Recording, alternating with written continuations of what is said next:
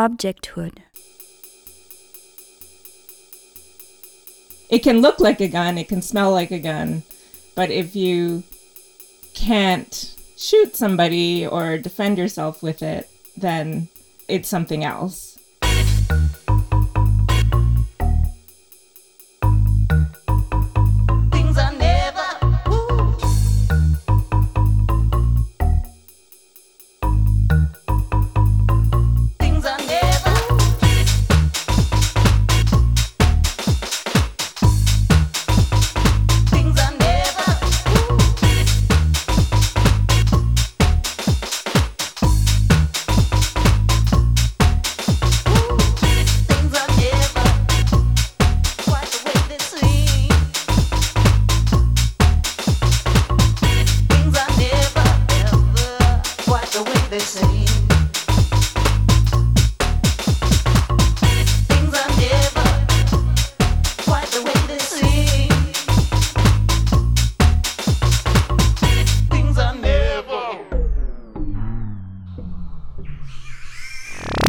Passage from Michel Tournier's 1967 novel Vendredi ou les Limbes du Pacifique, Friday, one of the two shipwrecked inhabitants of the desert island where the story takes place, throws a handful of gunpowder on a fire.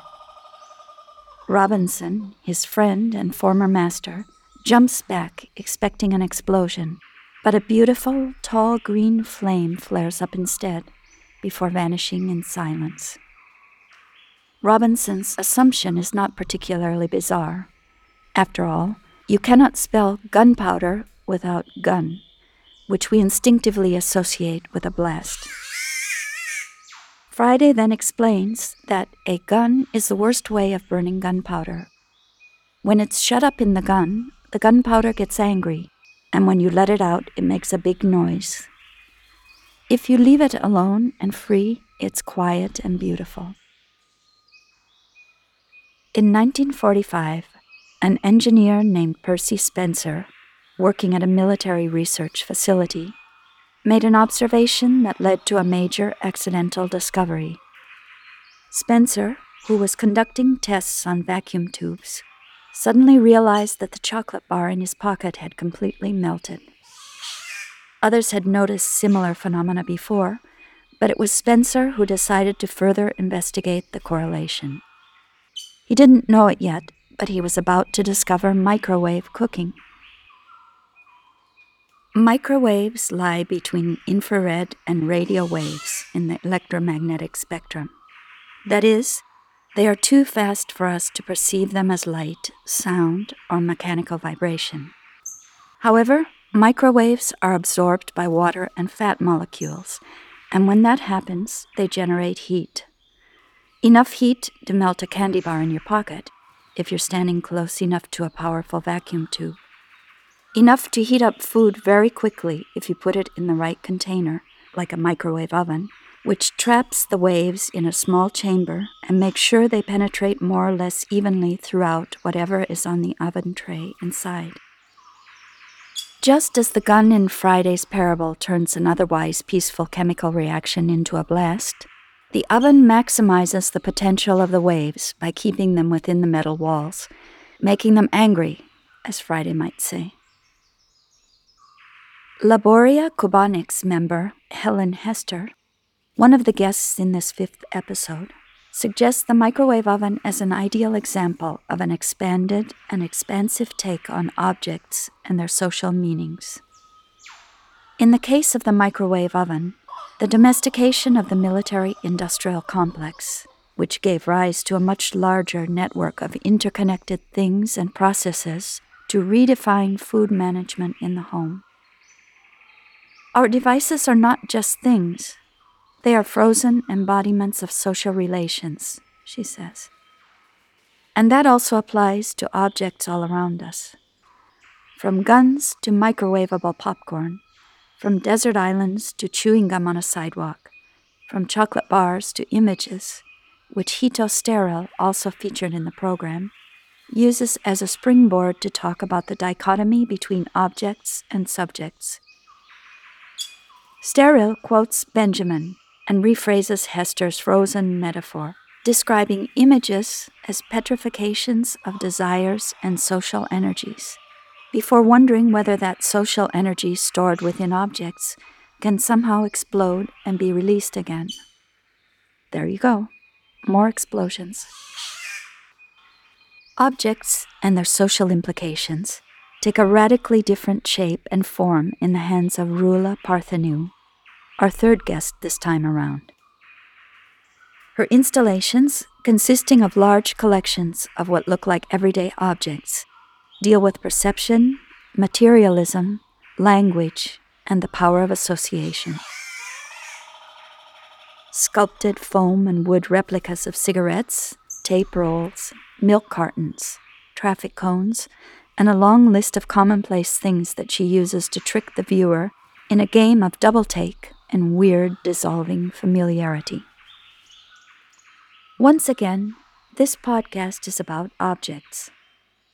But more importantly, it is about recent ideas on objects in contemporary theory and art. So sit back, relax, and count down before diving into the first segment, featuring German artist, writer, and filmmaker Hito Steyerl. Five, four, three, two, one, go. In this essay in Free Fall, I was trying to describe a shift in how people relate to the world visually. How do they orient themselves? And I tried to describe a sort of change of paradigm from a linear perspective towards a vertical perspective, which was at that point exemplified by, for example, the Google Maps paradigm, whereby when people are trying to walk in the streets, they are constantly seeing basically their own situation from above. Which is very strange because, I mean, in fact, they are on the street, they are supposed to sort of navigate in a horizontal way, but the vertical perspective is sort of in between yourself and the end of the street, which is kind of very interesting. And I'm not 100% sure how this displaced the relation between subjects and objects. I mean, definitely there has been a lot of theory, especially film theory, feminist theories of the gaze, and so on, which argued essentially that certain traditional ideas of the subject were constituted by a sort of mirror relationship with oneself in linear perspective. But of course, you know, this subject was always a kind of abstraction or fiction. It was the idea of a one eyed observer that would essentially put himself into the center of the universe. And of course, this relation was established during a time when Western subjects tried to literally subject the world to their methods of navigation, of science, and of conquest, military technology, if you like. So, in that sense, this idea of you know recognizing yourself as a subject was always accompanied in history with recognizing other people as objects, as slaves in particular. So, in that sense, you know, the idea of subject, the traditional one, already contains this dialectic of humans as subjects and humans as objects. And I think definitely, you know, the idea of subject has continued to be fractured in this way because most obviously the subjectivity of the laborer is partly an object subjectivity, you know, because the laborer sells parts of her time and, you know, turns them into commodities or entities to be traded. So, in that sense, there was always a partial object character of human beings under capitalism on the labor market anyway. In that sense, we cannot separate, you know, the subject from the object, not only within, you know, material, inanimate objects. I'm not even talking about that. I'm just talking about human beings. And this has, you know, shifted in many ways with new technologies. I mean, if I just speculate now, but the amount of quantification every aspect of human activity is subjected to nowadays. Basically, every sort of motion, emotion, action being captured, counted, calculated, predicted, and so on. So, in that sense, the objectification of you know all aspects of human beings has been intensified quite dramatically and also the idea that not only labor power can be quantified, but basically other areas of human activities which were not necessarily seen as labor power, like looking, but also a lot of, you know, affective, emotional activities are now being quantified in the same way through new technologies. Money is a very good example of something in between matter and energy and even, you know, spiritual energy, whatever you like. And I think this is really my idea about objects as a whole, because objects, if you see them from the perspective of physics, are always already also energy, right? It's just a matter of looking at them from a different perspective. So basically, anything can transform into energy, and I would have to think about, but a lot of energy can be transformed into matter. And most of the things we see seem to be one or the other, but in essence, they could be anywhere on this spectrum, you know, between either being matter or energy. And money is a specifically good example because money has so many forms of appearance, right? I think probably in its purest form, money is just pure belief, religion. No, it's basically a spiritual activity of the human brain. It's just pure energy. but money can also be, it is, I think most money today is coded as light. Light which moves through fiberglass cables at the speed of light, of course, no? But money can, of course, also be materialized as real estate as gold, as you know, whatever you like. Uh, money can also be activity, action, expenditure of energy. Money can be warfare. So, in that sense, you have basically the whole spectrum from pure matter to pure energy, and money can basically morph between all of these. Probably it's a very classic Marxist idea, right? That and most objects or products are made by human energy and so and within social relations and basically the object is like the condensation of social relations and human energy and this has been expressed very clearly by Walter Benjamin, who describes images, for example, as literally petrifications of desires and social energies. And the idea is if you have that object, can it somehow transform back into social energy? Can it basically explode and release the energy that's stored within them?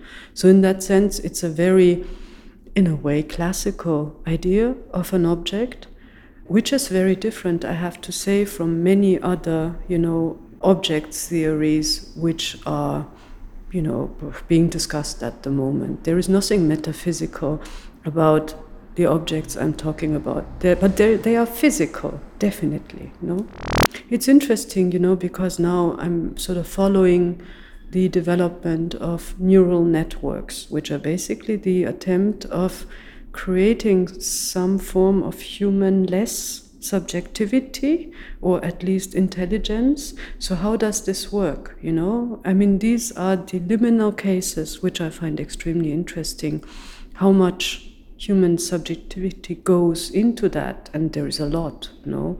But how is it then translated into something completely different, which cannot really be predicted anymore by human ways of thinking? For many, many years, decades, machine vision was a mess, to be honest. I mean, it was really, really frustrating. Machines could maybe recognize something, but there were so many mistakes, and whenever it got more complex, machines couldn't deal with it. But I think within the last two, three years, maybe four, there has been a sort of quantum leap with that, and machines are actually better than humans now at recognizing certain objects. And now, you know, aspects of images are being decoded by machines which seem funny but which are also very scary. All sorts of emotions, you know, are being interpreted and quantified by machines. So, what kind of entity is being developed right now? That's very, very fascinating, also scary. I mean, you see with financial algorithms, which were supposed to predict everything, that their worldview was pretty limited. No, they were not able to predict things that were not so difficult to predict, right? They wanted to see something. They were ideological, those algorithms, massively ideological. So, in that sense, you know, of trying to find something which they don't know wouldn't have been that difficult. But I'm not excluding, right, that, you know, with the exponential rise in computational power and so on and so on, it will get much more difficult to find these outliers, these statistical outliers, basically.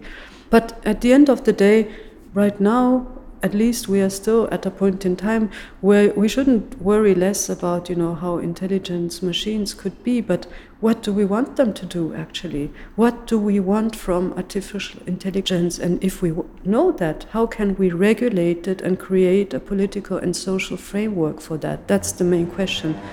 Whether art takes the form of an object or not is not necessarily of primary importance when it comes to art being a commodity, right?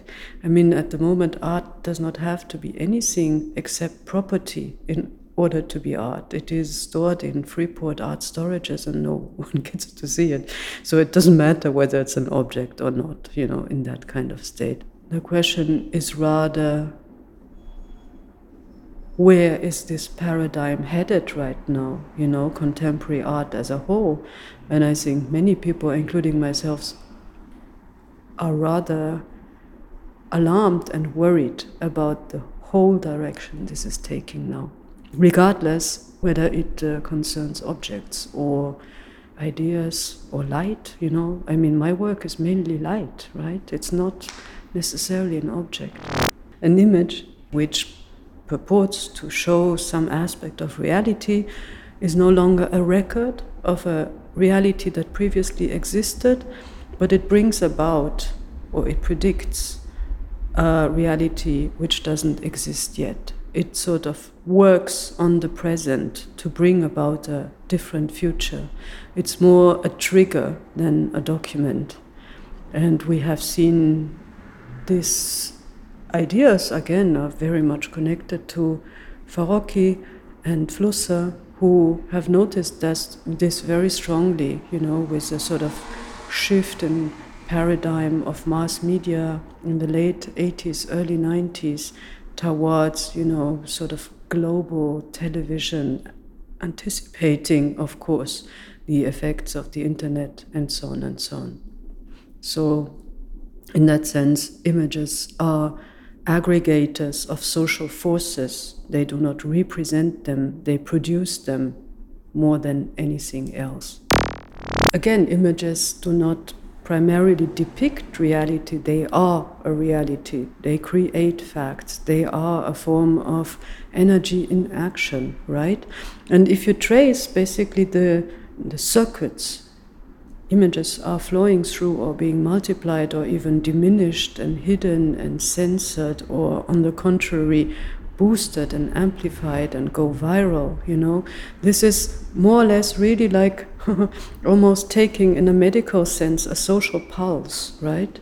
But the content of the images is not the primary concern, it's the way they act and the way they travel, the way they do things, the way they become operational. And this operationality, you know, used to exist for a long time in the industry, medicine, uh, military, most obviously. But I think the operationality has now touched on almost every aspect of the social.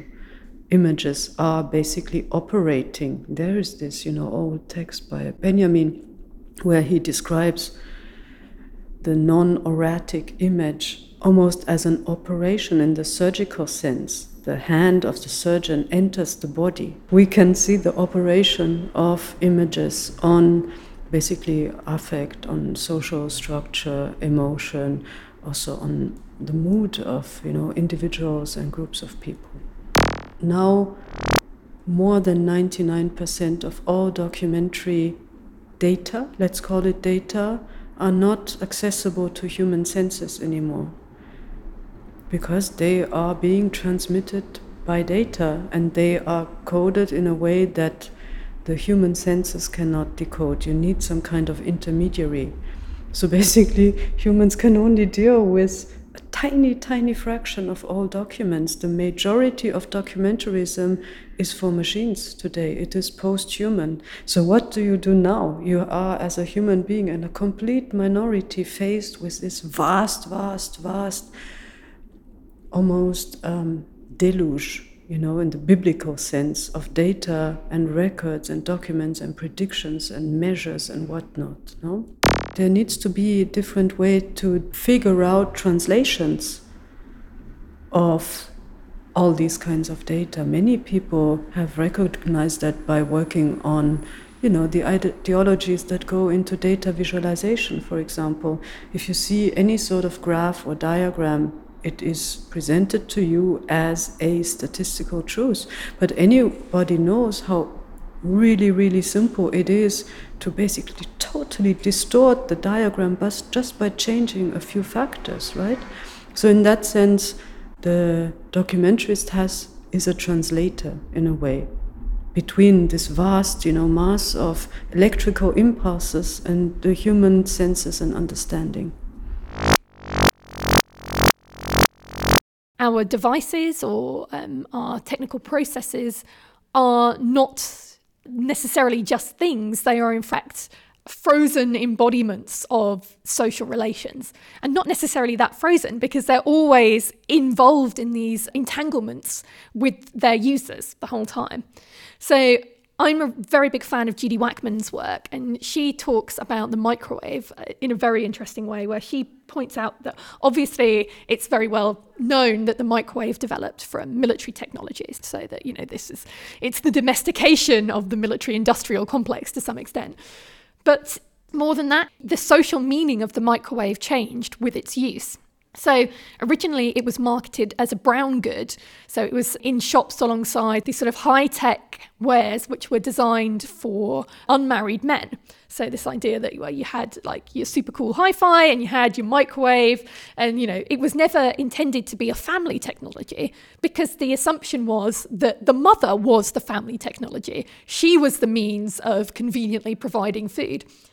But the way that the microwave circulated was in this very unexpected way, where it was taken up by mothers and by women as a useful kind of domestic labour saving device, and then it became a white good. So it was shifted from being a brown good to being a white good.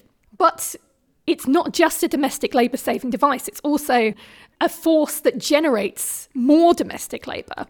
So that brought with it these kind of networks of, you know, you'd get in your car, you would drive to a super huge supermarket, you'd stock up on all of this frozen food, you would drive it back, you would unload it into the freezer. You would then have to take it out and defrost it. And so the microwave becomes one node in this much wider spread of labour around social reproduction and the need to uh, reproduce the labour force. And it just happens in these, these really interesting ways. I mean, you can look at domestic technologies by kind of tracing it back even further. So the way that some domestic technologies were sort of stifled because of industrial or infrastructural concerns. There are so many domestic technologies that sort of started to emerge but were shut down because there was not the infrastructure in place to facilitate them or because of corporate interests that didn't want them to kind of flourish lost domesticities that you can trace through technologies. And because they are these very obvious nodes of distilled forms of social relations. And it's almost like any technology you can pick up, you can start entangling it in these these interesting ways. What's interesting is that there has, to some extent, been a feminist move to reclaim the position of the object. So, this idea that being a subject, it's given that historically women and people of colour and the gender non-conforming have been excluded from the position of subject, there's been a move within some feminisms towards rejecting that position altogether. So, why be a subject? One example would be like Hito Steyerl's essay, A Thing Like You and Me, and um, the responses to that. So Linda Stupart would be one person she wrote, uh, Things Like Us and Them. And in both of those texts, there's this suggestion like, okay, so we've been excluded from the position of subjecthood. Let's throw our lot in with the object instead. Let's, let's be objects. And I can see the appeal of that. I know why there is this kind of draw towards that position. But it's not something that I can entirely agree with. So, on the one hand, I have said in a recent article that I'd rather be an iPhone than a woman because the labour of the iPhone, for example, is more culturally recognised. It's much more sort of venerated as a kind of object, as a thing, than these sort of denigrated subjects of uh, women. But I think if you throw your lot in with objects, if you give up on being a subject, you give up a whole territory of being able to argue for rights, for universalism, for all of these uh, points of leverage that have been used by feminism historically. So they're sort of quite conventional tools to argue for the right to, for example, reproductive autonomy, reproductive freedom. Those have been very useful tools for navigating a landscape of legislation and cultural norms. So, whilst I understand the appeal of becoming an object, I don't think that works outside of being a very specific kind of provocation. We need to be subjects, we need to be political subjects, and part of that means distinguishing ourselves from a realm of objects. Braidotti's work has been really interesting in this. So, I, one of her quotes that I really enjoy is that where she says, she doesn't necessarily want to be counted in the human, a category that's already kind of long excluded her. She'd rather throw her lot in with the bacteria so he says, I want to run with the bacteria. And um, that's a kind of interesting gesture and one that relates back to what we were saying about, about objected, because it's this idea of not wanting to be included in any club that doesn't want you as a member. so it's like, well, I don't, fine, I, I don't want to be human. Like, I've been excluded from the human. Many other people are excluded from the human. That's no longer a category that I would like to be in. I'd much rather identify with these other forms of life and again, I think that's a very provocative gesture and a very thought provoking gesture, and a useful diagnostic in terms of understanding what the human is. So, thinking about matter rather than the human. But then also at the same time, you need to distinguish discourses of objects from discourses of objectification. Nina Power talks about auto objectification. So, the fact that it's not just that other people object you. For women in particular, there is this process of being trained to see the self as a kind of object, something that gets worked on and perfected. Um, and she talks about the way breasts get discussed. So breasts get talked about as if they're not really attached to you. They're just things that oh, they keep popping out, like oh, you know, they're you're sort of their hosts or their wranglers rather than them being a part of you or them being you. And so again, I think that speaks to the limits of any discourse that's based around becoming an object. That actually there's already this process of thinking of yourself as an assemblage of objects that's part of neoliberal subjecthood more than part of a sort of emancipatory feminist gesture. Xenofeminism describes itself as an anti naturalism, but that's not the same as being anti nature in any way. It's much more about acknowledging that nature is always already a space of political contestation. So it's claiming nature not as some kind of transcendental guarantor. Well, this is the way things are, it's just nature, that's natural, that nature shouldn't be touched. It's about saying that nature is itself a space of politics and that you have to understand it as that. So for me, I'm definitely more on the side of viewing nature and culture as a continuum. But even that seems to suggest that there are degrees of, of disentanglement. You know, I think you need to be talking about a nature culture as one intermingled sphere where the, the way that we deal with and encounter nature is always cultural, and there are always elements of what we think of in one way as the natural within our understandings of the cultural. Those things are kind of merged together into one flow. So, particularly when we talk about anti naturalism, we're quite grounded in the body and embodiment. So, um, we're thinking particularly about things like uh, like gender or reproductive capacity. So, you know, contraception is a way of intervening within the natural. You know, it's a way of claiming that space, not as something that just has to be there the way it is, but being able to say, well, this is a space of bodily autonomy. And gender is increasingly being subject to this same kind of paradigm this idea that gendered affects, gendered forms of embodiment are not something that you simply have to inherit and deal with. There's something that can be made subject to change. And that they should be made subject to change in the name of bodily autonomy and reproductive freedom. That's not to say that gender is purely ideological or purely cultural because we do acknowledge that there is a biological stratum to reality that you know that gender is entangled with bodies in very obvious and real ways. There's no point kind of denying that that's the case. But just because something is biological just because something is quote unquote natural does not mean that it cannot be made subject to change does not mean that it has to be accepted and does not mean that it's necessarily a good thing so, nature is a space of contestation, and we're always talking about nature culture simultaneously rather than um, a division or a continuum, I think. They're both implicated in each other. And it's a very sort of, um, it's just an act of categorizing that seeks to disentangle them and it can be useful, you know, analytically, it can be useful to disentangle nature from culture to allow you to talk about them in different ways. But as soon as you start digging into it, you find that our understandings of the natural are always cultural, our understandings of the cultural are always natural. It's one playing field, one fabric.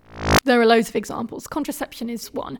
And it's really important to stress that we would never argue that all forms of it as it currently exists is necessarily good. We know that there are side effects associated with it. We also know that there are long and oppressive histories for how those drugs were were developed. You know, particularly with um, these studies of contraceptive pills on Puerto Rican women, targeting these disenfranchised populations. So we we're not saying that like these are necessarily pure or good. There is no purity and there's no position of innocence from which we can start. But you can acknowledge that if you can be subject to pregnancy, being able to control and regulate that is an important part of freedom because it brings with it a whole set of reproductive laboring activities you know and it has a direct implication in terms of temporal sovereignty as well as bodily autonomy. And you need to be able to make choices and contraception enables you to make choices. And this is taking something that is natural, quote unquote natural, and subjecting it to change. You know, vaccinations, there is the circulation of natural natural infections, natural viruses that we as a species have developed ways to counter. And that is ultimately a good thing even though we might feel uncomfortable about the human and animal testing that underpin these developments, this is a case in which nature has proved to be unjust in the sense that it, certain people are vulnerable to certain diseases and infections, and often that is unevenly distributed. Our vulnerability to illness is differentially impacted by gender, class, race, immigration status, poverty, having free access to things like immunization is a massive step towards saying if nature is unjust, change nature. It's part of changing nature in order to foster justice. It's part of this ongoing process of refusing to accept things which are natural or are seen to be natural as an endpoint. Just because something has arisen spontaneously or something is biological does not mean that you then have to accept that as the end point of all struggle. It's in many ways the ground in which struggle can happen rather than anything else. Our relationship to the post human in the Xenofeminist Manifesto is actually quite a um, conflicted one to some extent. And that kind of connects to what I was saying about the need to claim the position of subject and that being part of a uh, sort of political technology to some extent, the need to claim subjecthood in order to be able to claim rights, and the fundamental necessity of still being able to do that, even if that feels a bit sort of uh, old fashioned at this stage. Because we get positioned quite a lot as a post humanist form of feminism. And I see exactly why that would that would happen, and it's it is something that I would myself identify xenofeminism as a kind of post-humanism, and that's sort of because this this quote from Le Guin about it being a, um, a lively node of connection. That's something we're really engaged with. So. We, the subject of xenofeminism is neither woman nor human if you assume that those things are kind of discrete entities that are snipped out of the wider fabric of technomaterial existence. We absolutely are thinking about um, assemblages, we're thinking about the way that humans are embedded within a wider network of carbon and silicon based actors. And um, you know, we're thinking about all of these uh, these flows. You know, there's an element in there of that classic sort of post-humanist thing of thinking about uh, Zoe and Bios, these kind of uh, these flows of life in various forms that that run through the, the social fabric and beyond. But at the same time, we also insist upon a lot of very human and very humanist ideas. So, you know, the word justice gets thrown about a lot in the manifesto. You know, these ideas of um, of emancipation, the idea of a new universalism, the idea of reason and rationality. These are very humanist ideas. So there is a tension between a sort of post-human impetus and a very humanist impetus. So I would suggest it's a very specific kind of post-humanism, one that still starts from the position of the human. And I think it's one of the big tasks for xenofeminism now is to start addressing that potential conflict. How can we be post humanists for humanity? Which is what I think we are. You know, we still throw our lot in with the human. And why do we do that? How can we justify doing that, given that there has been so much wonderful post humanist feminist work going on? And it's something that I'm kind of wrestling with at the moment. Why we, we take that position. And part of it is because a lot of the points of political leverage, a lot of the mechanisms via which change happen, depend upon some of these humanist concepts. So they depend upon political subjecthood and so on. And part of it, I think, relates to what Donna Haraway has called response ability. So response hyphen ability. So for Haraway, there's a very big dramatic move away from human exceptionalism. So not seeing humans as being as being unique or the particular sort of vectors for all that's virtuous or important. And I completely understand that. But on the other hand, I think any process of taking responsibility needs to acknowledge the exceptional role that humans have played in ecological destruction. So you you need to acknowledge, you know, in the era of the Anthropocene or the Capitalocene, it's precisely the time to recognize that humans have a unique capacity for, for destruction and endangerment of others. So then again, you're in this, this sort of tense position of how do you how do you talk about the human? How do you talk about humanism in a way that sort of widens the aperture for post-human futures or non-human futures or inhuman futures? And for me, I think it's important to continue to acknowledge that humans have particular capacities. And one of those capacities is the capacity for abstract reason, sapience. You don't want sapience to be an exclusive category. I think that it's, non-human sapience is possible at both the carbon and the silicon-based ends of the uh, the spectrum, but it is something that that humans do well. This process of abstract reason, it's that that allows us to see our particularly unique role in ecological destruction. The fact that we are capable of abstract reason, the fact that we can see things in particular ways allows us to acknowledge our own role in that. But I think my vision of the post-human is to take sapience and add it to care. So imagining a post-human that is sapience plus care and channeling what is a very obviously unrealized, extremely nascent potential in the human to care at different scales, to use our capacity for abstract reason to understand what we might be able to do to have an exceptional role not in destruction but in nurturing. in kind of it's something more um, more reproductive in terms of reproducing the the earth and but reproducing differently so reproducing different kinds of ways of engaging with ecology so what kind of care are we talking about what does it mean to join care with abstract reason and it's really important to also acknowledge that this is a hyperstitional gesture so it's not about saying humans are wonderful at caring i actually think humans are atrocious at caring for each other. Like, you know, we always seeing, you know, the numerous cases of elder abuse or, or inability to look after one another. And obviously not all humans, but but a lot of humans struggle with these, these performances of care.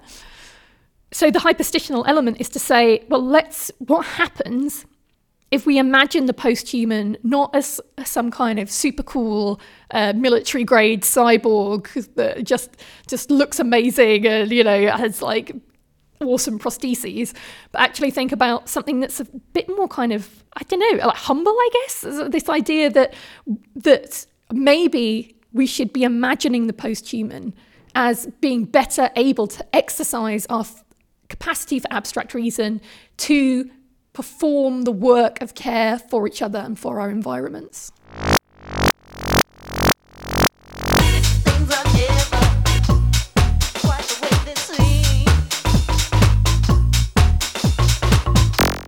I make replicas of everyday objects, like things that in our day-to-day field of vision would would be invisible, like a roll of tape or a glue stick or a toilet plunger there are things we can be at liberty to take for granted. We, we don't really need to see them on our day to day. And so when I replicate them, their sort of use value falls away and they transform into, in a way, idealized forms of themselves. Like they're reduced to shape and color or to a list of adjectives like hardness, softness, roundness, fuzziness, or pointiness. So broken down this way, I, I feel like I can use these objects to different ends or or make new associations between them aside from the associations that we inherently bring to them when we first encounter them so there is like this moment in approaching a replica of an object that you recognize where this flip happens from your expectations of the object and then it sort of opens up the potential of the object opens up to other ways of of seeing it and it and in relationship to the objects around or the context that it's presented in. Often in my installations there's an underlying structure or context that guides the viewer's reading i mean i make sculpture but i, I it also extends to sculptural installations um, where the objects act together to sort of guide you through this viewing I did a project called Chalk to Cheese, which is a 16 foot long platform of replicas of objects. Again, just everyday things that you wouldn't pay much attention to. And at the start of the platform, it begins with a replica of a rock. And so there's this, you know, oval, smooth, kind of grainy uh, surface texture object, which is beside a similarly oval but pink and smooth object, which is an eraser. So their shape kind of draws a connection between the two, even though they're they're different colors. They share kind of a similarity in them both looking like pebbles in a way. And then as you move down the this table of objects, one object leads you to the next to the next through it like a daisy chain of objects, a chain of associations. And the associations can be drawn between the objects through language, so they might be synonyms or or some sort of wordplay, or through color and shape, or through use value. So there's lots of different ways that you can navigate your way through this chain of objects. So in a way, the structure in this case guides what object I replicate because it has to fit within this chain. Um, and it also challenges the, the the viewer who's approaching these replicas to kind of shift the way that they think about the object and and what aspect of the object they prioritize like normally we approach it with a really utilitarian you know like i use an eraser to erase things or a plunger to plunge the toilet or you know but the way that we have to sort of pivot around the different qualities of the object and prioritize different aspects of the object in order to navigate this chain of associations brings to light other potential for the object. Often within my installations, I will include a ready made object. The installation might be largely replicas, and I, will replicate them to various degrees. Some will be very reductive, um, where I remove a lot of information. Some will be highly detailed, where the detail is very much in focused or even exaggerated. And then sometimes I will also include found objects. And part of that kind of varying levels of verisimilitude within one installation functions as a as a tool for guiding the viewer not letting them stabilize in any one way of seeing. So you know as soon as they calibrate their their vision to a certain level of verisimilitude then they can confront say a, a found object and assume that it's a replica but then as they look closer it's revealed that it's an actual object. So there's kind of always the viewer is not really able to ground themselves in the installation and how to how to view it. The replica for me is not so much about replicating this object or that object as it is a strategy for being able to talk about perception, or it uh, allows me to tackle the experience of perception in a very concrete way. So you know, although the objects remain completely recognizable as copies, they also become abstracted in their remaking, sometimes, as I said, through the process of reduction by removing details or generalizing them, or because of the flatness of the paint, or through the over articulation of detail. But either way, the objects are not quite like you remember them. And this causes a mental gap, sort of a, between what you assume you're seeing and what you're actually seeing, which causes a perceptual shift.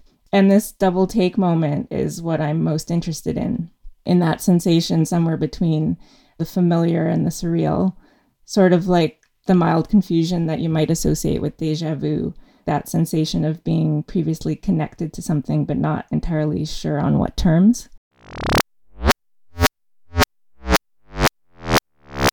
when I started making replicas, I they were almost exclusively highly detailed replicas where all you know, I would try to include as much information as possible.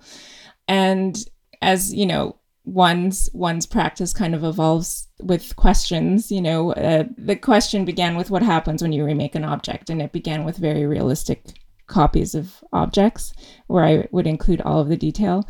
And then eventually the question became what happens when I remove information and just present the most quintessential properties of an object but remove all of the the minute detail and you know i was looking at the idea of gestalt principles of design and how the mind has the capacity to take you know disparate pieces of information and complete the picture in their minds based on certain formal ways of presenting uh, information. So there is a formal element to my work as well. Color is a is a very big part of um, how I guide the eye around the room and how I make connections between objects. Color, shape, like all you know, the physical properties of an object, and that's as I was saying earlier, the objects sort of become um, a collection of these physical properties and kind of sidestep their use value. But in terms of how I decide which objects are replicated to what level of detail, it's really dictated by the object in a way that I'm choosing to replicate.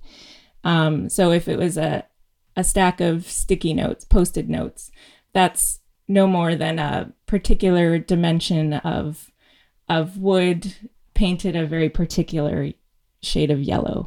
So it's no no more complicated than than just dimension and color. I've also done installations where I do grayscaled versions of objects. And when I remove the color from that very same block of wood in the dimension of the sticky note, it no longer reads as a sticky note. So uh, it just reads as like this sort of platonic form, you know. Uh, it, it's reduced to its its uh, geometric qualities by adding and removing information I can kind of play with that, with what aspects of the object I want to emphasize in a particular context. When you confront a replica, there is like kind of this real time calibration that is like it's very palpable. It, it happens within seconds, really. You might approach an object with certain expectations and then maybe it's handed to you and the weight is a little bit different or like there was a the, the very first um, replica actually i did was uh, this piece that was carried around in somebody's handbag, which they had turned into a gallery, uh, and they would curate works in their handbag. So I created like a set of replicas that would have made sense to be in the handbag, and she would pull them out and, and hand them to people. And sort of in that process of her pulling it out, them seeing it's it's a notebook and a novel and a cigarette pack, they would start to draw certain make certain conclusions about what they were about to experience that, that oh maybe there's something written in the notebook or there's a passage highlighted in the novel that's going to relate to you know to what's written in the notebook. So they start to already make these assumptions of how they're going to engage. And then they're handed these objects and the immediately they realize the weight is completely different than what they expect the weight of these objects to be which triggers you know them realizing oh these are paintings and not not what I thought they were, etc. But all of that happens in a really compressed period of time. But it's uh, it really affords that that opportunity to like experience those those thoughts that you take for granted, those like really quick reads that you make as you go through your day. Like, you know, as I said before, we really have to in a way take a lot of things for granted as we pass through our day or else if we let all of the visual information in we would just go insane. So the replica really offers this opportunity to to slow down that experience of confronting objects I talked about how, you know, the question eventually within my practice became what happens when you remove information and allow the viewer to kind of complete the object in their mind or or, you know, have some of that work done by their cognitive uh, abilities and, and natural processes versus me providing all of the information. And that led to a body of work that even was even further abstracted where it really was like objects boiled down to their most elemental practically unrecognizable but they certain curves and certain sort of uh, geometric motifs were pulled an, from an object uh, and and integrated into these uh, wall painted wall sculptures. But alongside these more abstracted ones, I also would, for instance, there would be a piece of dowel that was the rounded at the edges and painted the color of a hot dog which it was like the you know the exact dimensions and color of a hot dog but also just a piece of like super simple just a piece of dowel but or a scrub sponge that had you know a certain degree a certain um uh, ratio of green to yellow that read as sort of this classic scrub sponge. So these very, very abstracted, reductive forms were also alongside some still reductive, but maybe more recognizable forms. And they sort of became a key to how to begin to enter the, the other more abstracted forms. Like, it, well, if this is a hot dog, then what is this? So it sort of really emphasized the work as almost a puzzle or a, a, a game of associations. Understanding an object in two ways simultaneously is also something that I'm really interested in that you have your sort of built in understanding of the object and that you can simultaneously understand it in, in a new way and that those two those two experiences of the object are sitting side by side in that moment of you know the double take or or in that moment of like recalibrating your understanding of it. So i made that i made that experience of like duality very concrete in a recent piece called twofold where i created a series of objects which themselves were superimposed on themselves. I know this is going to be without without seeing an image of it, it might be confusing, but as though you might see an object if you had double vision, and then across the gallery on an identical wall were almost identical versions of these objects in double vision, but with with slight variations. So you walk into the into the exhibition and you see the show in double vision, but then you also see the show doubled. So as the viewers would bounce back and forth between the two versions of these doubled objects, there was like a literal cognitive gap that like was physical in this in the gallery space that in a way was a way to be very literal about this idea of the multiple experience of an object. And i've also i sort of alluded to it with the sticky note but i will often create i'll make a group of objects replica of group of objects and then i'll i'll replicate them again all in grayscale and they will sit side by side with a double sided mirror between them. So as you walk back and forth and you look at the objects in the mirror, it's as though the color is draining in and out. But it also kind of creates this like simultaneous viewing of the same objects, but with the color references removed. And to see sort of in stages or side by side two different ways of viewing the objects talks about the, the simultaneity of experience as well.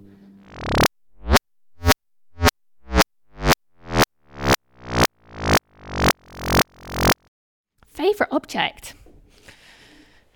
Oh, that's really hard. There's so many things. I mean, uh, maybe on the topic of if nature is unjust, change nature. I have quite significant health problems. I'm asthmatic and I've, I've got bronchiectasis, which means that I have a lot of trouble breathing sometimes. So I am very enamored with my inhaler. You know, it's again, this is something where its history is probably implicated in long chains of the abuse of humans and animals. You know, it's very much caught up in the kind of uh, the pharmacopornographic biocapitalism, but it enables me to live and to function. It's something I need to have to hand. I'm grateful that it exists and that it enables me to uh, navigate an unjust nature it's one of those things I, I, can't leave the house without it if i do then you know there's a risk that something really terrible could happen but it's small it's always in my handbag you know i've got like I always seem to have hundreds of them, like in every room, like or just the caps of them that have come off, like in piles everywhere. I, I rarely ever throw them out. I keep finding ones which are like way out of date that I then have to I have to chuck. But that's that's an important object to me. So I've got one that I have I have every day, morning and evening, and then I've got one that, that i keep for emergencies. So the emergency ones are the ones that like sort of swell up because I always ask for a new one because I'm always worried that they're going to run out. But then it's really hard to it's hard to tell if they are empty or full. So it's a very problematic relationship with this favorite object where I'm always anxious that if I need it, it's not going to work, or there's going to be a problem with it, or it's going to be out of date. But I can't, I'm also have this attachment to it where I have to like I don't want to throw it out just in case I discover that one of the other ones is broken or whatever. So it's an object that proliferates around my household and in every handbag that I own and every coat pocket